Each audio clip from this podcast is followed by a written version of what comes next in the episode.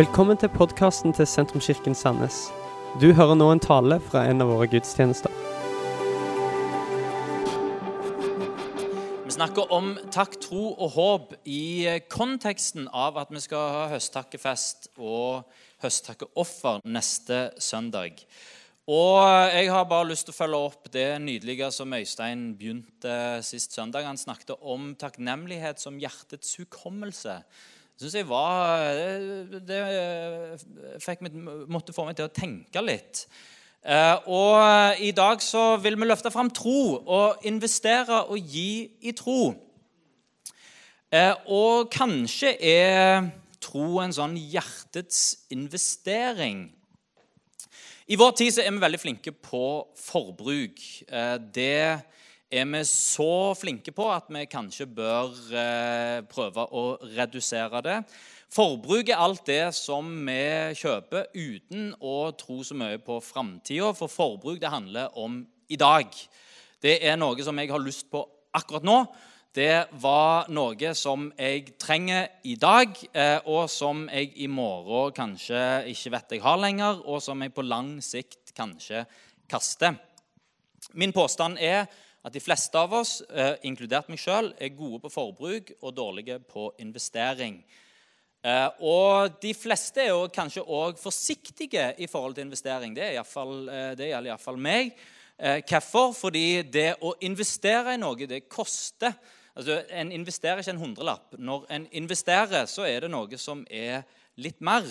Da må en ha tro på det som en investerer i. Eh, og, og en har tro på at det kaster av seg på lang sikt. Da er det litt enklere med forbruk, selv om det er, billig. Så kan en bruke det, og så kan en kaste det i morgen. Eh, det som koster, det trenger vi tro for oss å kjøre på med. Eh, men det går òg eh, andre veien. At hvis vi har tro på noe, så våger vi kanskje òg å investere noe som koster oss noe i det. Det er en norsk politisk kommentator som har han har skarpe analyser. Jeg skal ikke si hans navn. Eh, men han utfordrer alltid sine meningsmotstandere som ikke er enige med han i hans, eh, i hans eh, hva skal han si, framtids... Når han, han, han, spår hvem som vinner valg osv., da spør han alltid er du villig til å satse penger på det som du tror. For det er han. Så han driver med sine analyser, og så, og så, og så mener han sjøl. Og da tjener jeg gode penger på å nesten alltid ha rett. Eh, tro, det er hjertets eh, investering. Uh, og det er ikke alltid og trenger, Hjertets investering trenger ikke alltid være matematikk. min morfar han elskte å Han var glad i å skyte. han var glad i friluftsliv, og han var glad i å jakte. og hadde ikke fryktelig mye penger, men han kjøpte seg, handla seg en, eh, en Sauerson drilling. Den har altså da to hagleløp, og den har ett rifleløp. Og den kosta på det tidspunktet når han kjøpte den, så kosta det flere månedslønner. Han hadde ikke råd til det. Um, um, han hadde jo råd til det, men det var kanskje ikke det smarteste å investere i. Uh, men det var en sånn hjertets investering. Min farmor når eh, farmor og farfar skulle etablere seg med hus og hadde lite penger, og farfar måtte lage alle møblene fordi det, det, var ikke så, så veldig mye som, eh, til overs, da tok farmor alle sparepengene og så kjøpte hun seg et piano. Eh, fordi det må en jo ha i hus. Det var før alle andre ting. La oss få på plass et piano. Hjertets investering tar det som betyr noe for en. Musikk for min farmor, eh, jakt og friluftsliv og skyting for min morfar. Og så investerer en noe som koster. Og det som er så fint med hjertets investering, det er at det høster generasjonene bak. Eh, det høster en eh, tilbake fra. Eh, min morfars drilling den står i våpenskapet hjemme hos, hos meg.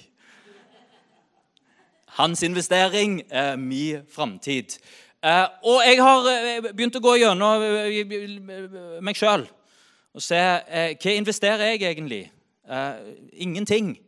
Til og med bilen min er forbruk. Det er ikke en investering. Det er kun eh, forbruk i dag og kast i morgen. Eh, og, og, jeg klarte å hente fram at jeg har, jeg har kjøpt en Seis-kikkert. Eh, den, den, eh, den, den, er en investering med tro på framtida. For jeg har tro på Seis. Eh, jeg har tro på friluftsliv. Eh, og jeg vet at mine døtre, den gangen jeg ikke er lenger, så kommer de til å krangle om hvem som skal få Seis-kikkerten. Vi investerer med eh, hjertet. Hjertets investering, det er Eller troen er hjertets investering. Hvor er du hen? Hva investerer du i? Kanskje har du ikke begynt å investere. Det de aller fleste nordmenn velger å, eh, å gjøre, det er å investere i hus. Og det er jo òg en lure ting å gjøre. Eh, en trenger et sted å bo, men du kan leie. Leie det er forbruk. Det er jeg trenger en plass å bo i dag. I det øyeblikket en kjøper seg en bolig, så er det en hjertets investering. Jeg plasserer meg sjøl her. Jeg setter røtter. Jeg har tro på at jeg kommer til å være her òg i morgen. Jeg har tro på at ting går framover i denne regionen. Jeg har tro på at verdien på dette huset kanskje til og med går oppover. Jeg har tro på framtida mi, jeg har tro på familien min, og jeg vil ha noe å gi videre til mine barn og mine barnebarn. En smart investering. Jeg vil oppmuntre oss til å investere med hjertet og til å ta det med òg inn i troen på Gud. Når vi skal ha høsttakkefest om ei uke, så gjør vi òg, som Thomas har nevnt, høsttakeofferet. Da vil jeg oppmuntre oss til å se på dette som en viktig del av vårt kirkeengasjement. Vi skaper en kultur av takknemlighet. Vi lager en fest rundt det og, og, har fest rundt takknemlighet. Det som vi gjør år etter år etter år, etter år, det gjør noe med oss. Vi ser tilbake på det som Gud har gjort eh, takknemlighet, hjertets hukommelse. Ikke bare det som Gud har gjort som var ekstraordinært, men det som jeg har. At alt det jeg har, det har jeg fått ifra Han, som er alle tings skaper, og som er alle tings herre. Så gir vi tilbake igjen til Han med takknemlighet. Det gjør noe med oss når vi gir i takknemlighet. Men så vil jeg utfordre oss til å tenke la det òg være en hjertets investering. At vi gir med tro, som når en kjøper seg et hus. En har tro på å bli værende. Jeg har tro på dette miljøet. Jeg ønsker å plante meg her. Jeg ønsker å være en del av det. Jeg har tro på neste generasjon. Jeg vil gi noe videre. Prioritere noe som koster noe for min del, og så gi det videre og investere i generasjonene som kommer etter. Da trenger vi å forstå generasjonstenkningen i Bibelen. I Malakias 4,6 så står dette om Gud at han skal vende fedrenes hjerte til barna, og han skal vende barnas, barnas hjerte til fedrene. Eh, og For alle som har eh, kommet opp i litt alder, så er det viktig å se hva som, er, eh, hva som er rekkefølgen i dette. Noen ganger så vil eldre mennesker at barnas hjerte skal vendes til Eh, men det er aldri rekkefølgen sånn som en ser det i Bibelen. Det er fedrenes hjerte som går mot barna.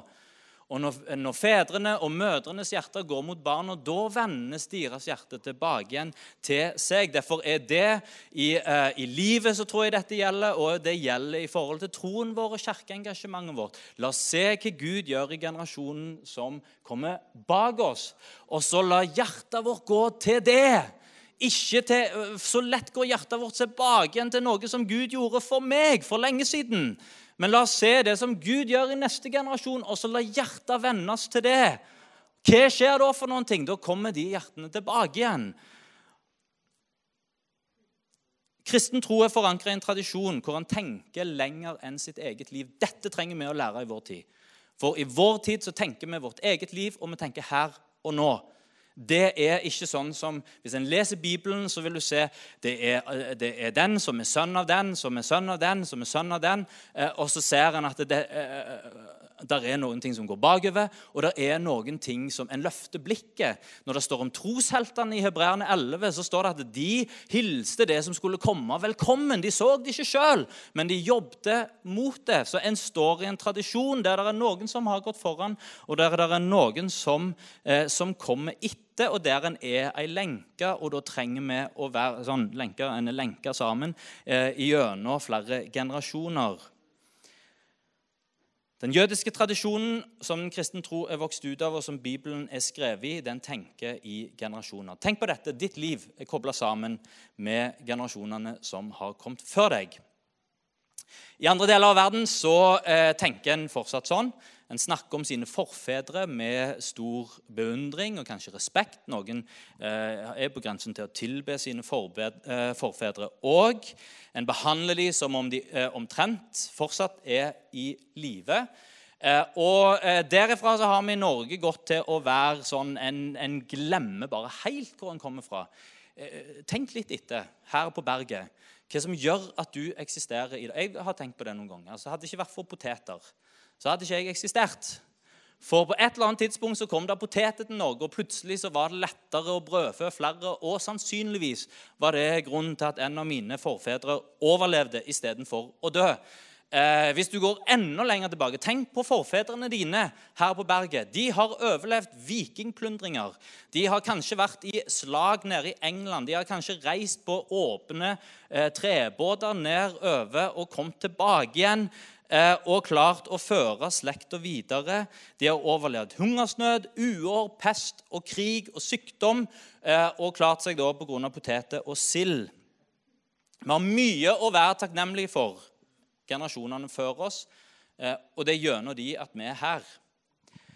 Men så er vårt liv òg kobla på generasjonene som, som, som kommer. Eh, og en ser sitt liv ikke bare i sammenheng med de som har gått før, men en ser sitt liv òg som forlengelse til de som kommer etter, og være en bro til neste generasjon. Dette kalles arv. Og Det handler ikke kun om familieliv og biologi. Jesus hadde ikke sin egen familie. Som, altså han gifta seg ikke og fikk stifta familie. Paulus hadde ikke stifta ikke familie, men de tenkte sånn allikevel generasjonelt. Jeg er bro til, det, til de som kommer etter meg. Jeg står i en tradisjon, og jeg tar det videre. Paulus han kalte eh, Timoteus sin medarbeider, som var yngre enn han, og sikkert flere andre også, kalte han sin sønn, og tenkte at det som jeg har fått, det vil jeg gi videre til Timoteus, og jeg vil fortelle til han at det kan han gi videre til andre. Og så tenkte Paulus i generasjoner. En hjertets investering. Tro som er en hjertets investering, tenker mer enn sin egen familie og mer mer enn meg her og nå, men den gjør rom for andre og generasjonene som kommer etter. La oss eh, løfte blikket fra oss sjøl. Det som Gud har gitt til deg, det er ditt. Men dine gaver er ikke bare dine. Dine gaver er gitt for å bygge opp andre. Livet med Gud som du har, det er ditt, men han har velsigna deg for at du kan få lov til å være en velsignelse. Og et godt liv det inneholder andre enn seg sjøl. Et godt liv bygger videre på de som har gått foran, og et godt liv investerer i det som kommer etter. Og teksten I dag så skal vi hoppe inn i byggingen av eh, tempelet i Gammeltestamentet. Byggingen av tempelet det tok eh, flere hundre år, eller det tok flere generasjoner. I hvert fall. Eh, og en kan spørre seg selv, Hvorfor i alle dager tok det så lang tid, og hvorfor måtte de på død og liv ha et tempel?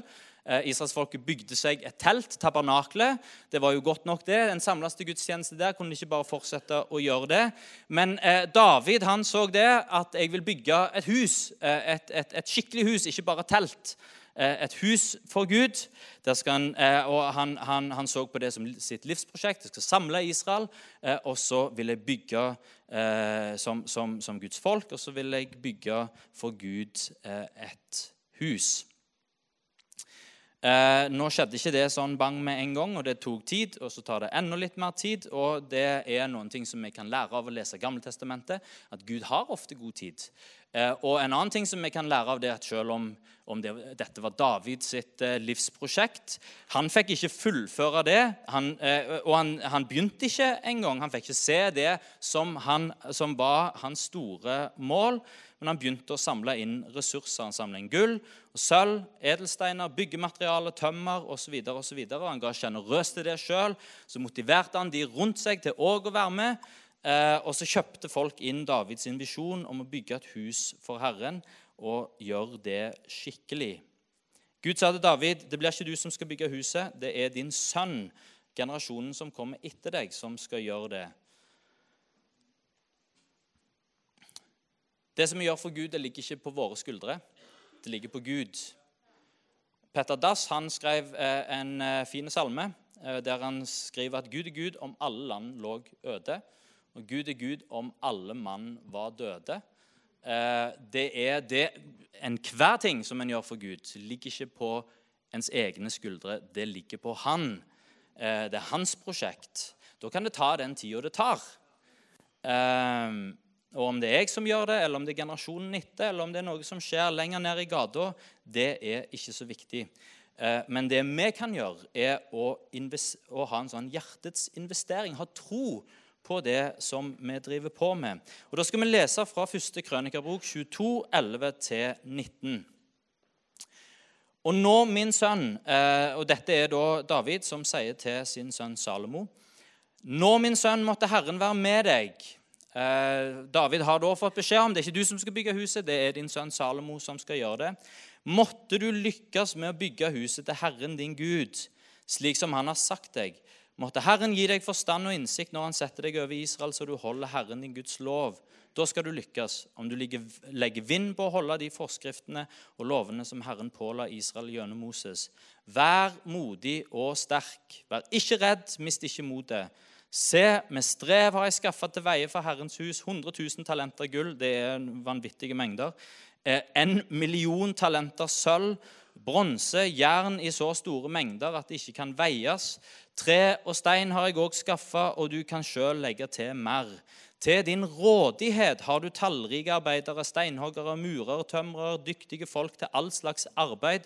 På gull, sølv, bronse og jern er det ingen begrensning. Gå til verket, måtte Herren være med deg.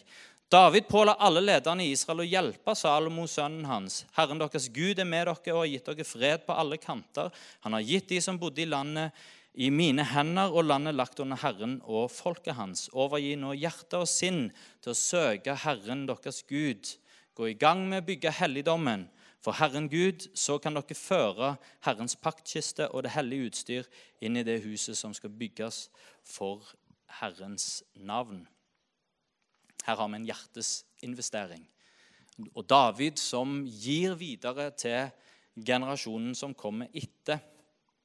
Og Det første som han setter fokus på her til sin sønn, en hjertets investering, handler om å gi kjærlighet og respekt for Guds ord videre til neste eh, generasjon. I jakt på framgang og i jakt på å lykkes så er det viktig at en ikke mister seg sjøl.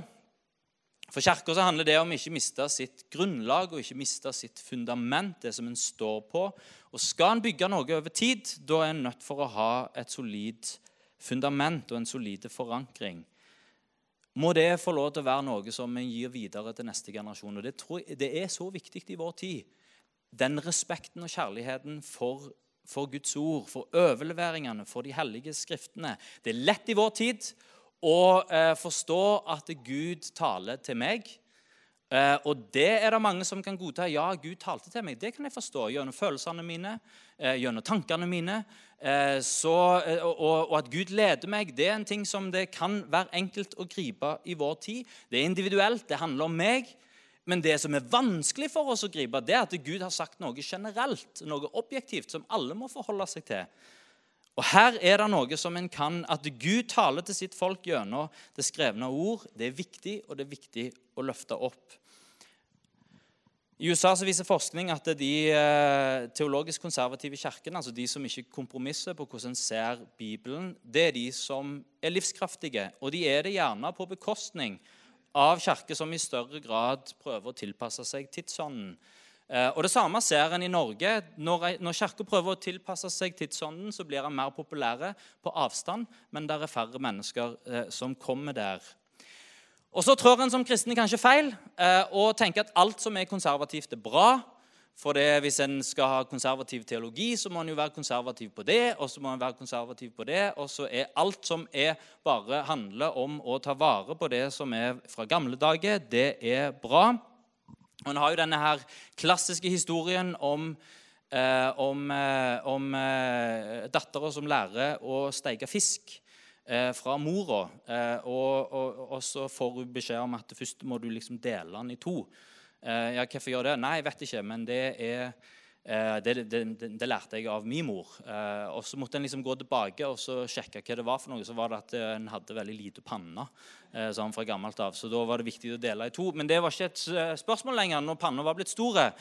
Og Noen ganger så bare tar vi sånne ting som har blitt overlevert fordi at vi har lært det, og bare godtar det som har vært. Sånn og Der har det vært mye opprydning i kirka, for det har vært masse meningsløse skikker og regler. Ting som ikke har hatt forankring i Bibelen, eller som har hatt en løs forankring i Bibelen, eller som har vært en misforståelse eller dårlig, eh, dårlig eh, lesning av Bibelen. Og vi trenger å rydde opp i loviskhet som binder mennesker. Men samtidig så må vi gi videre en ærefrykt for at Gud taler gjennom sitt ord og at det er noe som står fast i en tid der alt er i bevegelse. Vi lever i en tid der en evaluerer hele tida. Og, og en tenker at vi kan gjøre ting bedre. vi kan gjøre ting bedre. Og så er den teknologiske utviklingen er, den er vanvittig. Eh, og se hvor mye bedre livet er nå enn for 20 år siden. Så da må vi jo evaluere eh, det, som, det som vi drar med og og se kan vi gjøre dette på, eh, på bedre måter. Det er jo trist. Sånn som det har blitt i dag, så er det, det er jo unge folk som må lære sine foreldre hvordan de skal leve i samfunnet. Eh, fordi at, eh, og jeg er sjøl en del av den dinosaurgenerasjonen som ikke forstår eh, samfunnet som en lever i. Jeg må spørre Thomas om, eh, om retning og liksom hvordan, eh, hvordan manøvrerer jeg i dette samfunnet og i dette livet. Det skulle være motsatt.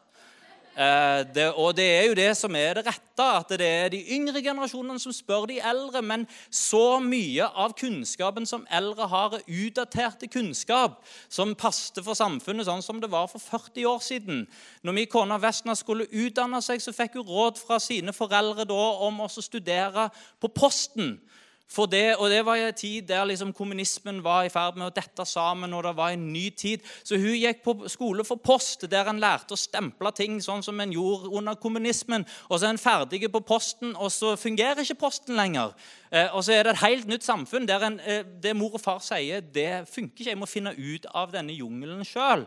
Og til en viss grad så fungerer livet sånn hele tida. For ting er i så rivende utvikling. Midt oppi alt dette så trenger en trygghet på at Gud har talt.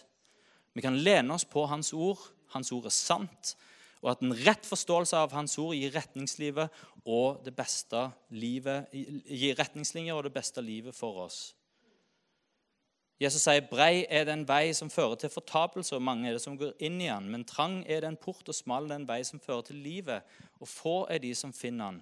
Jeg er ikke sikker på om det er evigheten som er poenget med Jesus sine ord her. Det som jeg tror er Poenget her er at den veien som Jesus snakker om, er veldig definert.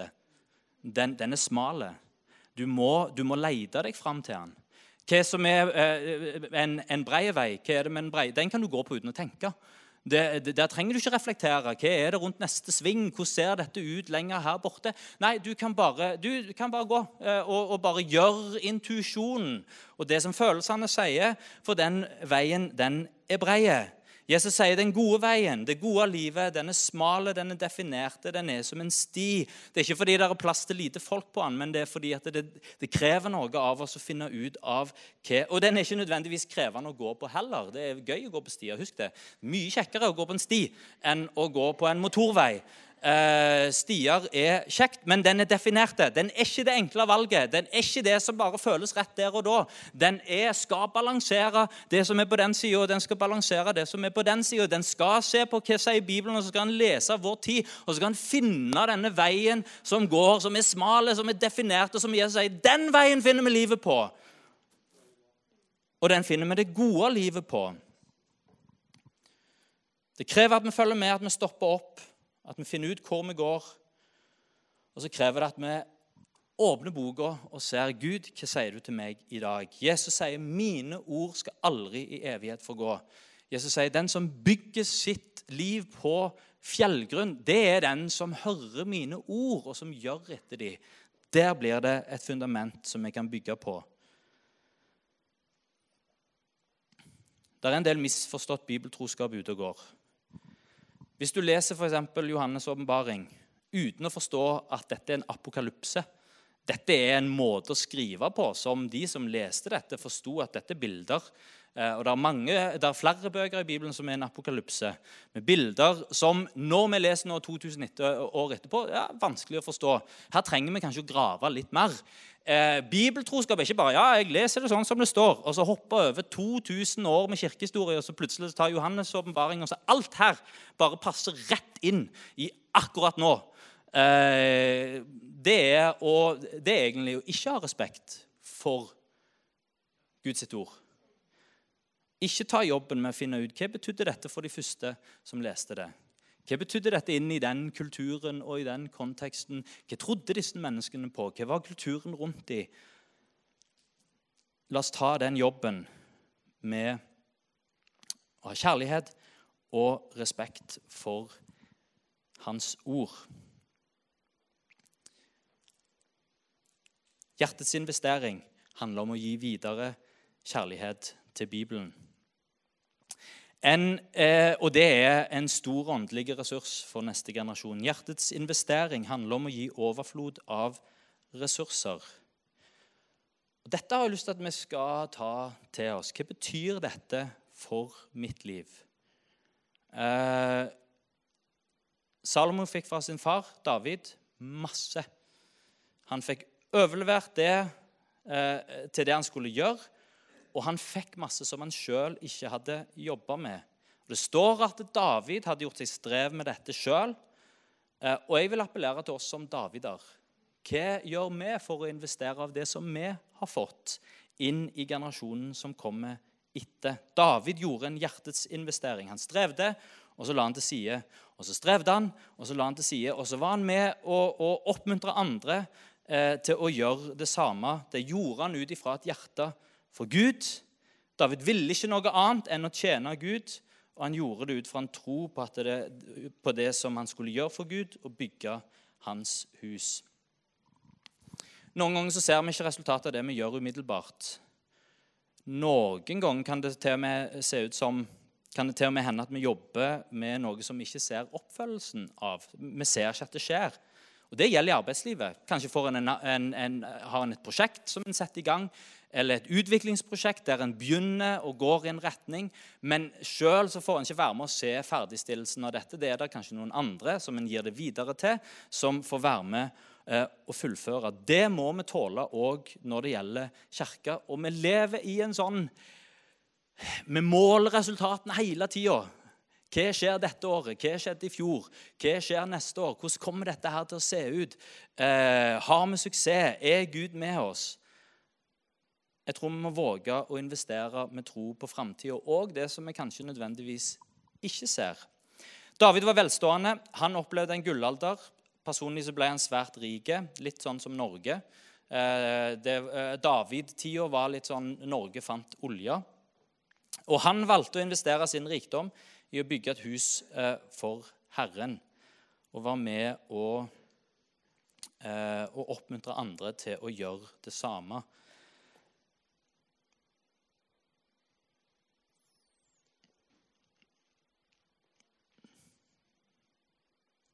La oss ha det blikket på Gud og blikket på de som kommer etter. Som kommer etter oss, at en kan investere for andre. Vi har vært vant til å tenke i Norge at vi har, eh, der er alltid en gjeng med pensjonister som tenker sånn. Eh, men der er òg ting som tyder på at eh, den generasjonen er i ferd med å forsvinne vekk. Og at òg det var en en, en, analyse før valget nå for noen år tilbake. Jeg husker ikke hvor lenge tilbake det var. Der for første gang på så lang tid en kunne Jeg husker ikke hvor lang tid det gikk tilbake, men alltid så har barn og ungdom og utdannelse vært en av de tre viktigste eh, valg eh, Hva skal en si eh, Sånn hva heter det for noe, valgtemaer som, som opptar pensjonister og de eldste. Og for første gang så hadde det falt ut som et av de tre viktigste. Der de viktigste tingene var Og dette er jo ikke rart, for det er jo sånn samfunnet vårt er. En tenker først og fremst på seg sjøl, og en tenker først og fremst på sin egen, eh, på sin egen, eh, eh på sin egen situasjon. Spørsmålet er hvordan investerer vi det som vi har fått, den velstandsøkningen som vi har fått de siste 40 åra. Hvordan investerer vi det?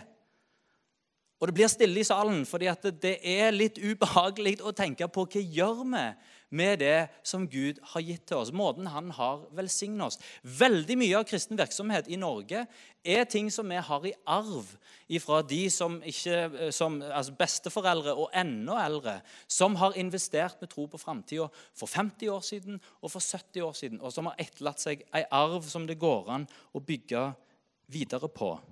Bruk dine ressurser for mer enn deg sjøl. Og bruk dine ressurser på noe som blir stående når du ikke lenger er her. Det gjelder for oss som er i middelalder og oppover. Det gjelder for, oss, for de som er i ferd med å stifte familie. Det gjelder for den som er singel, og det gjelder òg for den som er unge. Og Den tredje tingen her eh, og Da kan òg bandet komme opp og gjøre seg klar. Hjertets investering gir òg trofast arbeid. Det står, eh, det står, i den teksten at til sin rådighet så hadde Salomo ikke bare gull og sølv og byggeredskaper og byggemateriale. Han hadde tallrike arbeidere, dyktige håndverkere. I tillegg sa David til sine ledere.: Hjelp min sønn Salomo. Kom med kompetansen deres. Trofasthet er en glemt verdi i vårt samfunn. Det vi gjør, har en tendens til å bli ganske flyktig. Eh, og vi beveger oss etter hvert som ting endrer seg. I dag så har alle forståelse for fotballproffen som må bytte eh, klubb fordi at han må tenke på karrieren sin. Eh, vi forstår Jeg forstår ikke, men det er mange som forstår at stjerner må bytte klubb fordi at den klubben som vi spiller for, ikke skal spille i Champions League neste år. Og det er viktig for karrieren min å få spilt i en klubb som spiller i Champions League. For det er det det handler om. Så god er jeg, det fortjener jeg. Jeg må få spille i Champions League.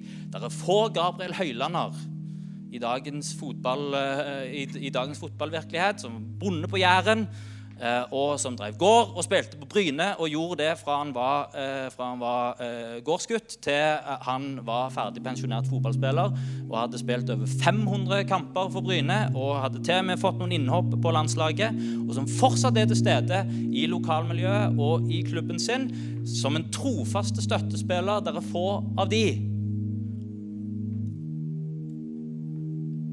Og vi har forståelse for karrierevalget. Vi skifter jobb fordi det var bra for karrieren vår. Kanskje bra for karrieren å skifte mange jobber, men det blir lite samfunn og fellesskap av det. Men trofasthet, det er viktig for oss sjøl. Det er viktig for, for deg. For med å investere trofast inn på en arena, så er en med å skape fellesskap og da han er med og gir mening.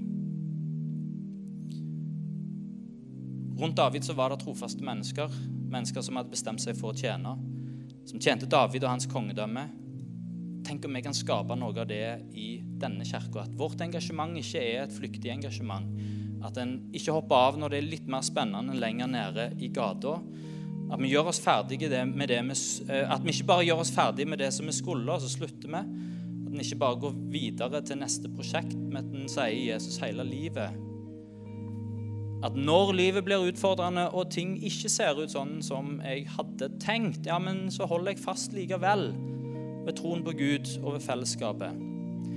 Jeg snakket med Jone Stangeland i, eh, i uh, sommer, som var vår mellommann når vi skulle leie på Salem og ha sommergudstjenester der.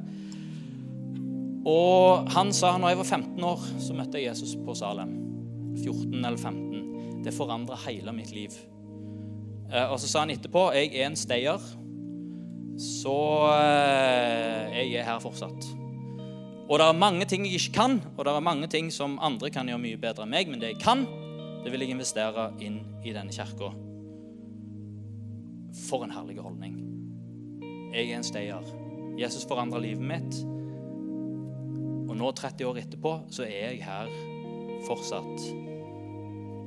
Jeg blir litt trist når jeg hører folk som er blitt 50, 40 og 50, og som sier nå er det de unge sin tur til å ta over, og som sjøl drar på hytta og kobler, kobler av. Jeg er så takknemlig for den generasjonen med besteforeldre som vi har i denne kirka. Som ikke drar på hytta og kobler av. Det er ikke feil å dra på hytta, altså, ikke, ikke misforstå. Eh, men som ikke, som ikke liksom Ja, nei, men nå er det de andre sin tur. Nå parkerer med oss, men som sier OK, vi vil fortsette å investere.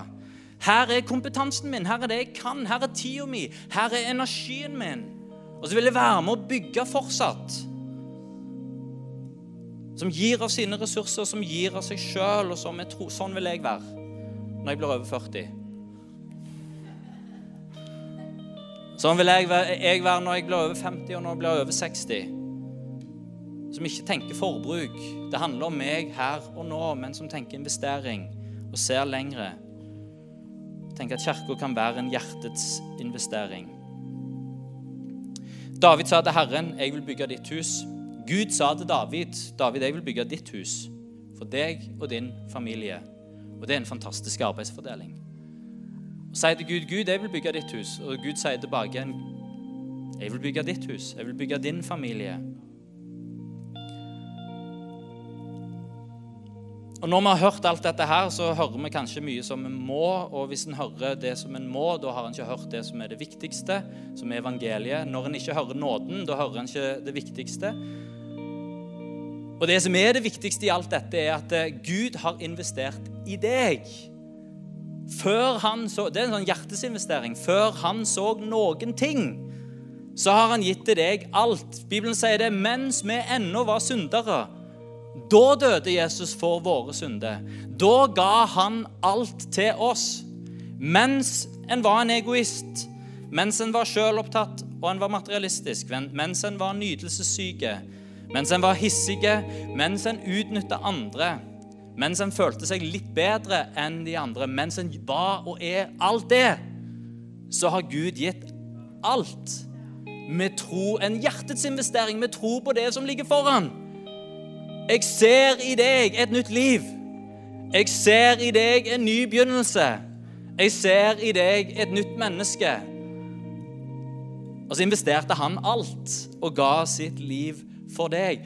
Det som jeg gir tilbake igjen til Gud, handler ikke om hva jeg kan gi, men det handler om en respons på det som han har gitt til oss.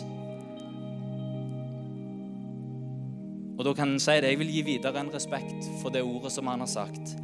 Jeg vil gi videre av mine ressurser, og jeg vil gi videre trofast arbeid for Herren. Kan vi ta oss og reise oss? Dette var slutten på denne talen. Håper du har blitt inspirert. Om du har lyst til å vite mer om hvem vi er, eller hva vi gjør, eller har lyst til å høre flere podkaster, så kan du besøke vår nettside sentrums.no.